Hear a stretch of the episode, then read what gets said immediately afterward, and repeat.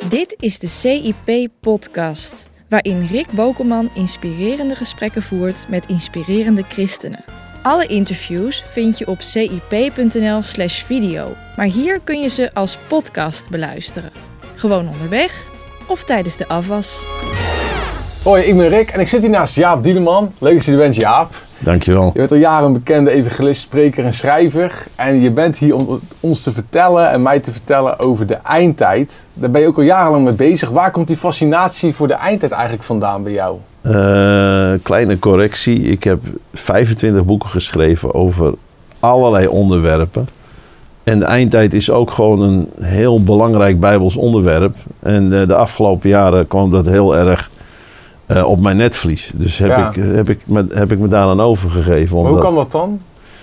Nou, God sprak heel duidelijk tot mij dat hij oordelen over deze wereld wilde, eh, zou gaan brengen. En dat ik mensen moest waarschuwen om eh, in verwachting naar hem uit te zien. Ja. En, toen, ben ik, eh, toen ben ik het boek gaan schrijven van... eh, eh, kunnen deze beenderen herleven? Ja, bekend boek. Dat gaat met name over de geopolitieke ontwikkelingen in het Midden-Oosten. Door de lens van de profetieën van de Bijbel bekeken. En dat geeft een heel ander eh, beeld. Dan kijk je heel anders naar de wereld als dat je alleen maar vanuit de seculiere eh, perspectief naar de wereldpolitiek kijkt. Ja, want jij, het begon allemaal toen jij van God hoorde dat er oordelen over de wereld zouden komen. Wat houdt het dan in?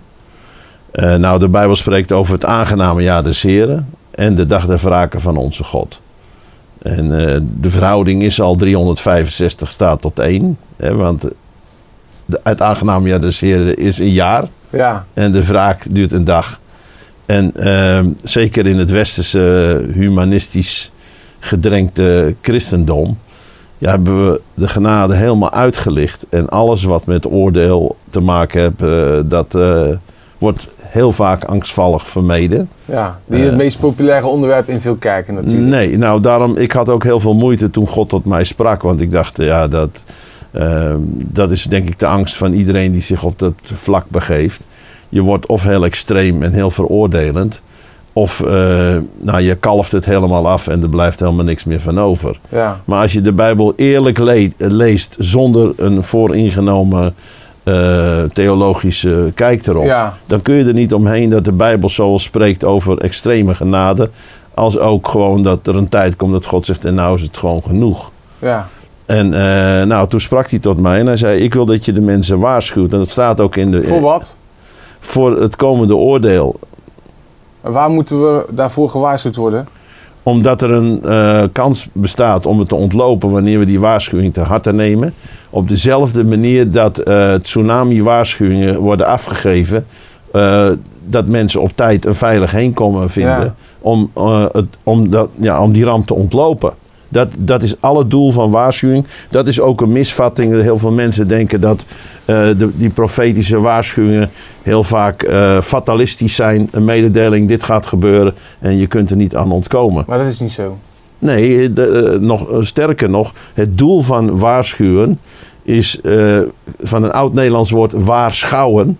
Dat betekent aanschouwen wat er gaat komen. En dat je mensen als het ware van tevoren daarop wijst, zodat zij daar conclusies uittrekken om, eh, om, om, om, ja, om zich te bekeren, om het zo maar eens te zeggen. En een mooi Bijbels voorbeeld is dat Jona die werd naar Nineveh gestuurd en, en, en zijn opdracht was eh, om het volk te waarschuwen dat binnen 40 dagen de stad zou omgedraaid worden.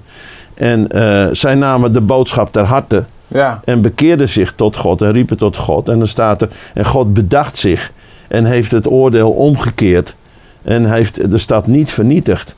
Dus dat is een beetje de, ja, je zou zeggen de controverse van de profeet. Want je waarschuwt voor iets en als het dan niet komt, dan lijk je een valse profeet. Maar dan ben je juist, juist. dan ben je juist de goeie, want ze hebben de waarschuwing ter harte genomen. En de, de ondertoon van eh, dit waarschuwen is de liefde van God. Van, eh, eh, want, want als God echt van plan was om je te vernietigen, hoeft hij ook niet te waarschuwen. Dan kan Ja. hij gewoon in één keer een einde aan je leven maken. En hij doet het juist omdat hij. Hij er staat ook in Ezekiel van. Ik zocht iemand om op de bres te staan, maar ik kon hem niet vinden. En eh, nou, ik heb die roeping heel duidelijk ervaren. En toen, ik heb gezegd: oké, eh, misschien vinden mensen niet leuk wat ik zeg. Maar uiteindelijk gaat het erom, eh, ik, ik ben er niet om mensen te behagen, ik ben om God te behagen. Ja. Maar jij ging dus toen eh, dat boek schrijven, je begon ook erover te spreken meer. Ja, En dat gaat dan over dat er een oordeel aankomt en daar wil je mensen voor waarschuwen. Dat doe je dan aan de ene kant voor twee publieken, denk ik dan. A, christenen en B, niet-christenen. Christenen, wa- waarom moeten die gewaarschuwd worden voor de toorn van God? En wat houdt het dan tegelijkertijd in? Nou, dat, eh, wat het inhoudt is dat God ons een escape aanbiedt. En dat is het doel van het waarschuwen. Zoals de Ninevieten ontsnapte aan het oordeel door die waarschuwing ter harte te nemen. Dus dat is de belangrijkste reden dat je waarschuwt. Dat, dat, dat, dat doen ouders ook naar kinderen. Je doet het om. Je, je zegt niet van je gaat verongelukken. Maar zeg, je, je zegt wees nou voorzichtig. Want het is heel glad, het heeft geijzeld. Ja, je waarschuwt ze voor dreigend gevaar. Ja. In de hoop dat ze daar naar luisteren om dat gevaar te ontlopen. Maar wat is dat gevaar? Want als ik nu buiten ga lopen of ik loop door het winkelcentrum, dan denk ik niet bepaald, oh, Gods toorn komt eraan. Nou ja, maar dan moet je even weer naar de geopolitieke ontwikkelingen kijken. En dat is ook, denk ik, een groot probleem voor de jongere generatie. Want de meeste jongere generatie, die leven in een digitale wereld. Die zijn alleen maar bezig met eh, WhatsApp, Snapchat en wat in, nou, de hele, het hele verhaal. Maar als je kijkt naar het Midden-Oosten en de profetieën die daarover geschreven staan. Dan zie ik nu gewoon als het ware de, de donkere wolken samenpakken van een dreigende derde wereldoorlog. En dat is, geen, dat is geen geintje, dat is geen opgeblazen gedoe wat ik nu zeg. Wat je, wat je nu ziet gebeuren in het Midden-Oosten, dat pakt zich samen en dat zal escaleren daar. Ja, en als het dan escaleert, je bedoelt, doelt bijvoorbeeld op de islam in het Midden-Oosten, neem ik aan. Ik heb het over een duidelijke profetie uit Ezekiel 38. Dat er een oorlog zal komen tegen Israël. Ja. Israël is. De, eh, dat is trouwens heel belangrijk om te begrijpen. Wil jij de wereldpolitiek begrijpen vanuit Gods perspectief. Dan eh, kun je zien dat Israël is de tijdklok van God. Als je wil weten hoe laat het is, dan moet je naar Israël kijken. En Israël bestaat dit jaar 70 jaar. En als je nu kijkt in de afgelopen vijf jaar, heeft de VN honderden resoluties, afgelopen week nog vijf resoluties tegen Israël uitgevaardigd. Er is geen democratisch land zo democratisch in het Midden-Oosten als Israël. In het buurland Syrië zijn de afgelopen vijf jaar een half miljoen mensen vermoord op de Ja. meest gruwelijke En er wijze. zijn nauwelijks VN-resoluties over aangenomen. Twee, twee Ja. resoluties. Eh, Dus je, je ziet er ook, de, de- de- het, eh, ik zeg wel eens de VN, de Verenigde Naties, die zijn eigenlijk maar verenigd in één doel. Tegen het plan van God. En tegen Israël zijn ze verenigd. Ja. Maar als dan daar een escalatie zou komen in het Midden-Oosten, Ja. en er komt dus die oorlog die jij in de Bijbel vindt, dan is dat de, de toorn van God. Voor een deel. Maar dan, komt het, dan breekt, ja, om het maar heel plat te zeggen, de pleuris uit. Dat, inderdaad. En daarvoor moeten wij gewaarschuwd worden. Nou, je zou gek zijn als je daar je ogen voor sluit. Alleen Ja. wat heeft dat voor zin bedoel ik? Want kijk, je kan nu wel gewaarschuwd worden voor de derde wereldoorlog, maar ja, wat doe je eraan? Nou, jij doet er niet heel veel aan. Dat kan ik je dit zeggen. Ja, dan vliegen toch de kogels om je oren. Of je dat nou van Jaap Dieleman hebt gehoord van Ja. tevoren of niet. Ja, maar nu komt het. En eh, dat is het thema waar we straks verder over gaan spreken. Mhm. Daarom, God biedt een escape aan zijn kinderen. Wat is die escape? Die escape is de opname. Daar gaan we, daar gaan we straks in een Ja. andere uitzending over, over spreken. En eigenlijk zegt Jezus dit. Eh, dit is ook een van de moeilijke teksten uit de Bijbel. Zie ik kom spoedig. Dat, dat, dat is eigenlijk eh, het woord spoedig. Dat, heeft, dat is het woord tachograaf eigenlijk. Of wat wij hebben, metronoom met een piano. Weet je, zo'n Ja, tik-tik tik, ding. tik, tik, Z- tik. Zoveel tiks per minute. Wat, wat Jezus daar feitelijk zegt, en dat is vaak verkeerd geïnterpreteerd is, wanneer dingen in de versnelling komen, dan is het heel dichtbij. Ja, En dat zegt hij op een andere plaats, op een andere manier. Dan zegt, wanneer je deze dingen beginnen te geschieden, dan is uw verlossing nabij. Ja. En dan zegt hij daarnaast, het is als de weeën van een vrouw die een kind krijgt. Nou, wat, wat weten we?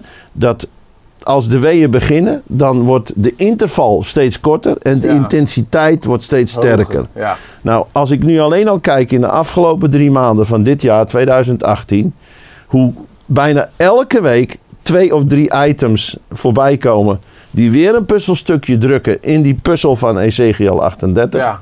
Dan denk ik, ik zie een versnelling, een waanzinnige versnelling. Je ziet als het ware dat de geschiedenis van de versnelling 2 en 4 en misschien wel binnenkort naar 5 gaat. Ja, dat zie ik, ja. Maar dan kom je in een kerk en dan zeg je, dan, dan wijs je mensen hierop. En, en dan? Staan mensen daar dan voor open? Ja en moet nee. jij daar dan mee?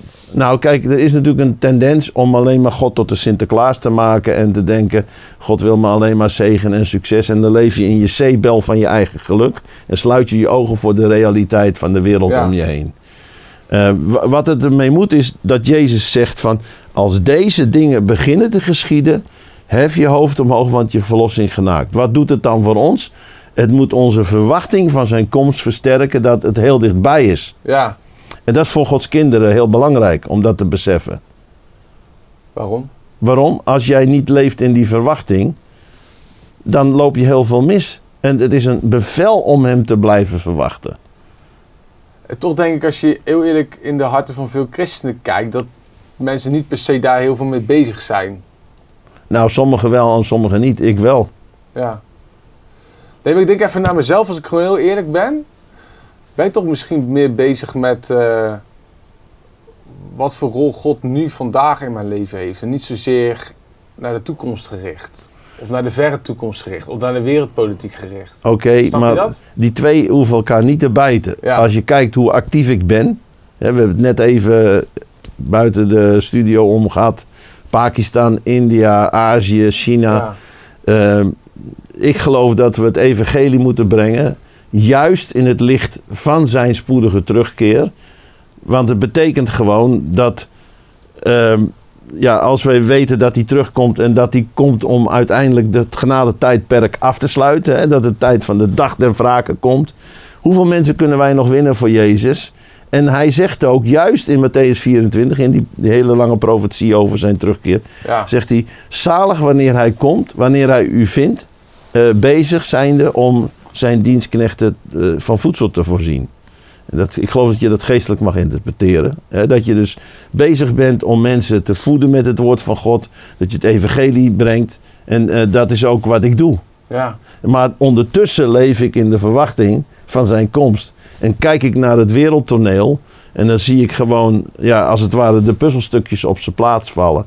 En dan denk ik, het kan elke dag gebeuren. En maak je dan wel eens zorgen? Nee, want eh, ik heb die geweldige escape, dat het perspectief. Want wat staat er nu juist? Ja, maar het is toch gruwelijk, Jaap, laten we nou even eerlijk zijn. Het is toch gruwelijk dat om het idee te hebben, in zekere zin, dat God de wereld gaat straffen, kennelijk. En dat wij dan ontkomen, maar bijvoorbeeld mijn ongelovige vader of mijn ongelovige buurman, die wordt misschien getroffen. Daarom is het des Dat is te... toch niet prettig? Nee, en daarom is het des te meer de drijf om nu het evangelie te vertellen. Dat is, dat is juist de drijf hè, om te zeggen, je moet dit horen. Is hetzelfde als jij een tsunami ziet aankomen. Hè, dan wil je dat iedereen veilig is. En eigenlijk ben je een crimineel als jij niet alarm slaat. Ja, Terwijl, en nu sla ik dus alarm, om het zo eens te zeggen, met mijn boek, met mijn boodschap. En sommigen willen dat niet horen, want die blijven liever dromen in hun zeepbel. Ja, maar weet je dat komt? Omdat ik denk, je kunt mensen wel waarschuwen voor die tsunami. Maar je kunt ook zeggen, God, is dat nou nodig, die tsunami? God, is het nou nodig dat u kennelijk, als ik Jaap mag geloven en ook de Bijbel, dat, dat u toch de boel, ja, dat, dat er toch een toorn van God losbarst? Dat is volgens mij wat heel veel mensen ook moeilijk vinden. Is dat ze wel willen waarschuwen voor die tsunami of voor Gods toorn. Maar dat ze ten diepste misschien denken: ja, maar God, moet dat nou moet dat nou per se? Snap wat ik probeer te zeggen? Ja, dat snap ik wel. Maar je, je moet zo zien. Jezus heeft 2000 jaar lang de boodschap van genade verkondigd. En dus mensen hebben kans gehad om daarop te reageren. Maar er komt een moment dat hij zegt: Je wilt niet, dan blijft er een alternatief over. En dan ben je zelf verantwoordelijk voor de gevolgen. Ja, Het is, het is niet zo, want kijk, de Bijbel is klip en klaar. God wil niet dat er iemand verloren gaat, maar dat alle behouden willen worden. De prijs die Jezus betaald heeft op het kruis is de perfecte prijs voor alle zondaren, voor alle mensen, alle 7 miljard mensen op aarde, als ze geloof zouden hechten in het volbrachte werk en de prijs die betaald wordt. Jij zou je zoon niet geven en heeft God wel gedaan. Daarin heeft hij zijn liefde laten zien. Maar als je dat met voeten treedt en je veracht het en je smijt het weg en je wilt het niet horen en je hoeft God niet, waarom neem je het hem dan kwalijk dat hij uiteindelijk zijn heerschappij opeist over deze aarde? Hij is tenslotte de schepper van hemel en aarde. Ja. Maar, maar waarom moet hij dat dan via geweld doen en niet met zeeën van liefde? Dat, dat, dat heeft hij al 2000 jaar gedaan. En dat doet hij nu nog steeds. Want wij zijn nog steeds boodschappers van die genade. En zelfs een tsunami-waarschuwing is een boodschap van genade. Omdat? Om- te zeggen van, zorg dat je op hogere grond komt voordat je verzwolgen wordt Ja. door die tsunami. En als je dan, laten we zeggen, getroffen wordt, die toorn van God, wat is dan ten diepste de reden dat je dan daar niet aan ontkomt? Omdat je God links hebt laten liggen, bijvoorbeeld. Ja, ten diepste wel, ja. En zijn er dan ook christenen naast mij in de kerk, of misschien hoor ik daar zelf wel bij, die dan ook, ja, laten we zeggen, niet ontkomen via de opname, waar we het later over gaan hebben, maar die getroffen worden door de toorn van God? Nou, laten we twee dingen helder maken. Eh, we leven in een gefragmenteerde wereld, in een gevallen wereld. Er gebeuren rampen, er gebeuren eh, goede dingen en slechte dingen bij goede en slechte mensen.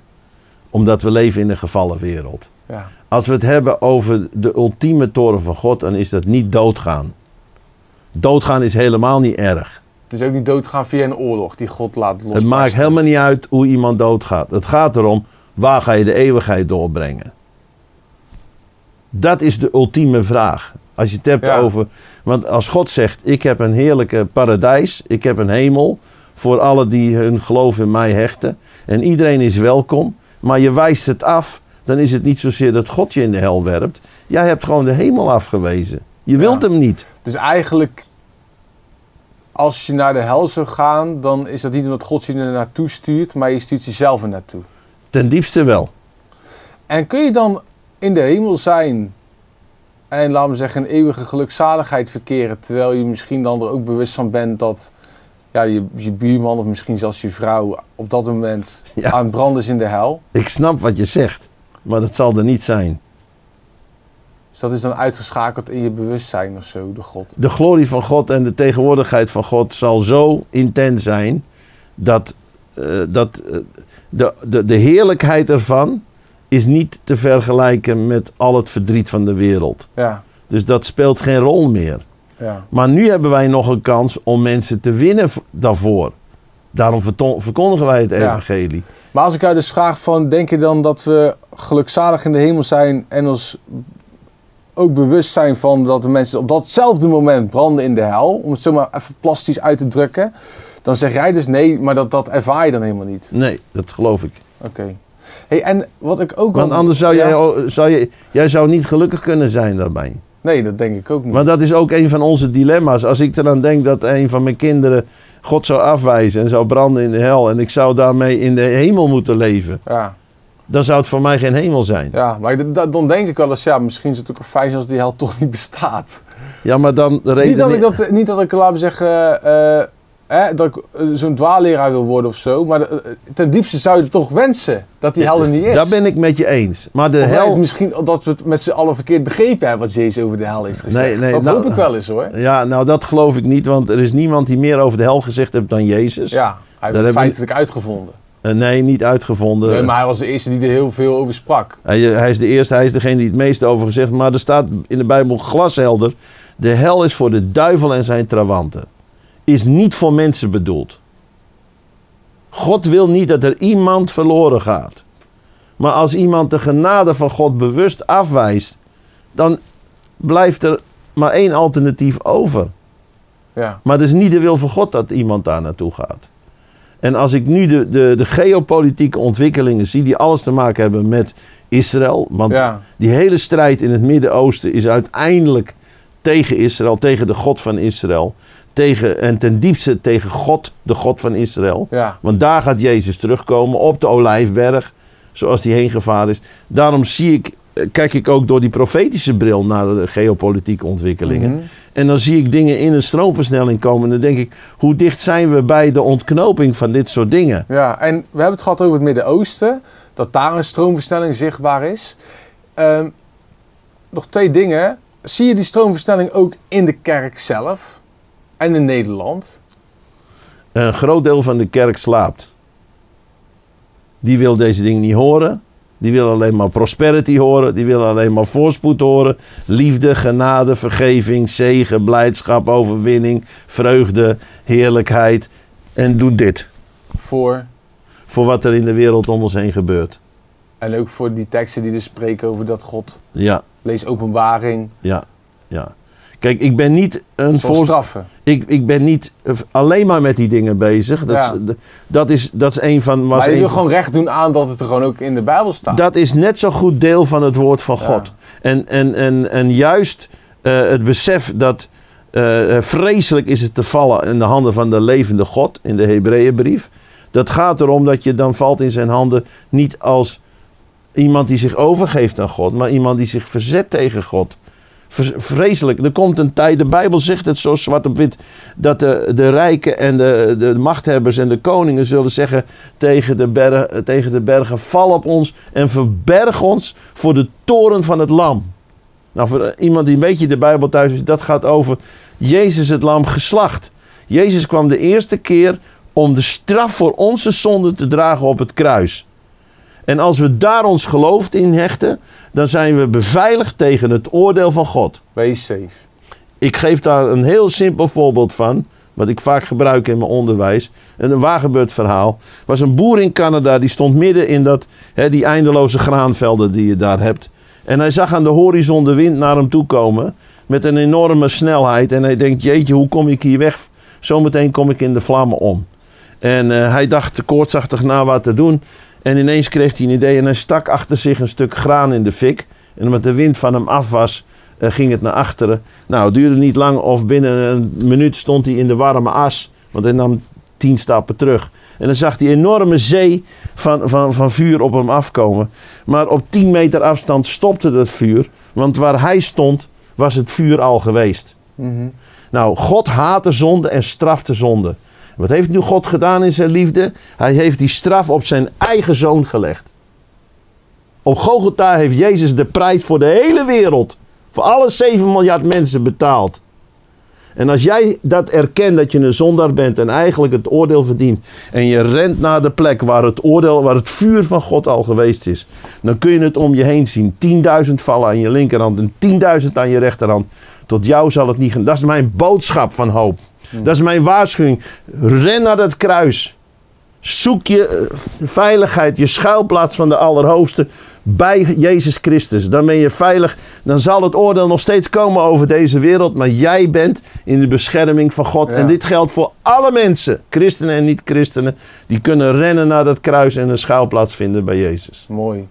Hey, eh, je ziet die stroomverstelling in het Midden-Oosten. Je ziet het dus ook in de kerk waar mensen slapen en het eigenlijk niet willen horen. Zie je die stroomverstelling tot slot ook in Nederland? Als je nu naar de kranten kijkt of naar het nieuws. Ja, ik, ik zie een steeds groeiendere demoralisering. Om het zo maar eens te zeggen. Op, op elk vlak. De godslast. Kijk, in Nederland word je niet direct de gevangenis ingegooid of onthoofd. Zoals in Pakistan, waar ik, of India, waar de fysieke vervolging is. Maar je ziet wel het belachelijk maken eh, eh, als eh, middeleeuwse idioten, dat achterhaalde geloof. En, als, je, als je ziet de, de, de morele en de ethische vervolging in de hele cultuur van Nederland, zich, zich steeds sterker profileren. Hmm. Als, je, als je denkt aan de LHBT-beweging, dan mag je bijna als christen daar niet meer anders over denken. Ja, Ik geloof niet in homo-haten en homo's in elkaar slaan, daar ben ik helemaal tegen. Maar als je aan mij vraagt hoe denk je erover, ik denk erover zoals Gods woord het zegt. Maar dat mag je bijna niet meer. Er, is, er wordt gesproken over dat Christen. tegen het praktiseren van homoseksuele gevoelens. Ja, Ja, precies. En ik mag die mening eigenlijk niet meer hebben. ja dat, Ik- dat merk ik ook. Je, je, je denkt ook even wel drie keer na voor je zegt ja. Ja, ja, precies. En, ik, en ik heb die mening wel. En dat wil niet zeggen dat ik, eh, dat ik, omdat ik die mening heb, dat ik dat nou praktiseer door homo's af te schieten, om het zo maar eens te zeggen. Mhm. Want God houdt net zoveel van al dit soort mensen. Maar dit is wel Gods weg. Ja. En als je, als je de Bijbel dan kijkt over oordeel. Het oordeel kwam over Sodom en Gomorra vanwege seksuele immoraliteit. En ze wilden zelfs seks met de engelen hebben. En God heeft die twee steden vernietigd. Maar wat deed hij? Hij vertelde het aan Abraham. En Abraham smeekte God en leidde Lot uit. En ik geloof onze opdracht is te smeken dat mensen worden uitgeleid uit deze dingen. Maar dit wil de wereld vaak niet horen. Ja. Want eh, er, er is een soort vrije moraal. En wij moeten respect hebben voor ieders mening. Nou, ik heb wel respect voor iemands mening. Maar daarom ben ik het nog niet met hem eens. Daarom vind ik het nog wel verwerpelijk. Mhm. Op grond van het woord van God. Ja, mooi. Hey, en de aller, allerlaatste vraag. Als, je, als mensen dit nou luisteren, en ze zijn eigenlijk gewend om toch vooral die boodschap te horen van Gods liefde, genade en trouw en al die positieve dingen. Ja. En ze horen nu jou en ze schrikken misschien een beetje van, nou ja, die, die kant is er ook. Maar ja, ook een beetje ongemakkelijk. Wat zou je ze dan tot slot willen meegeven? Wat ik net gezegd heb, ren naar dat kruis. Want daarin heeft God zijn ultieme liefde bewezen door zijn eigen zoon te geven als een losprijs voor jouw zonde. En als je daar schuilt, dat, ik bedoel, ik zou mijn zoon niet geven, niet, niet, niet voor mijn beste vriend, laat staan voor een vijand. Maar de Bijbel zegt, God gaf zijn zoon toen wij nog vijanden van hem waren. Dus ik wil eigenlijk zeggen van, wil je veilig zijn, schuil bij Jezus. Wat er dan ook gaat gebeuren in de wereld, dan ben je geborgen in de schuilplaats van de Allerhoogste. Nou, dat is hoop in tijden van eindtijd. Exact. Ja, Dieleman, bedankt. Graag gedaan. En tot de volgende keer. Doei!